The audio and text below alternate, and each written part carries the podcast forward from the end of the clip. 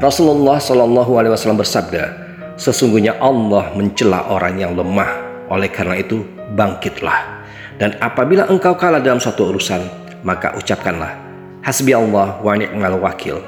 Cukup bagi ke Allah dan dialah sebaik-baik tempat berserah. Hadis ini diriwayatkan oleh Abu Daud.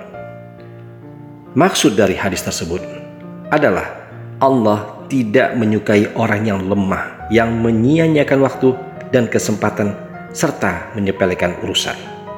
Dan yang terpenting dalam riwayat ini adalah ketika mengalami kekalahan, berserah dirilah kepada Allah dan menyadari dalam diri bahwa setiap kekalahan telah ditakdirkan Allah. Hasbi Allah wa ni'mal wakil.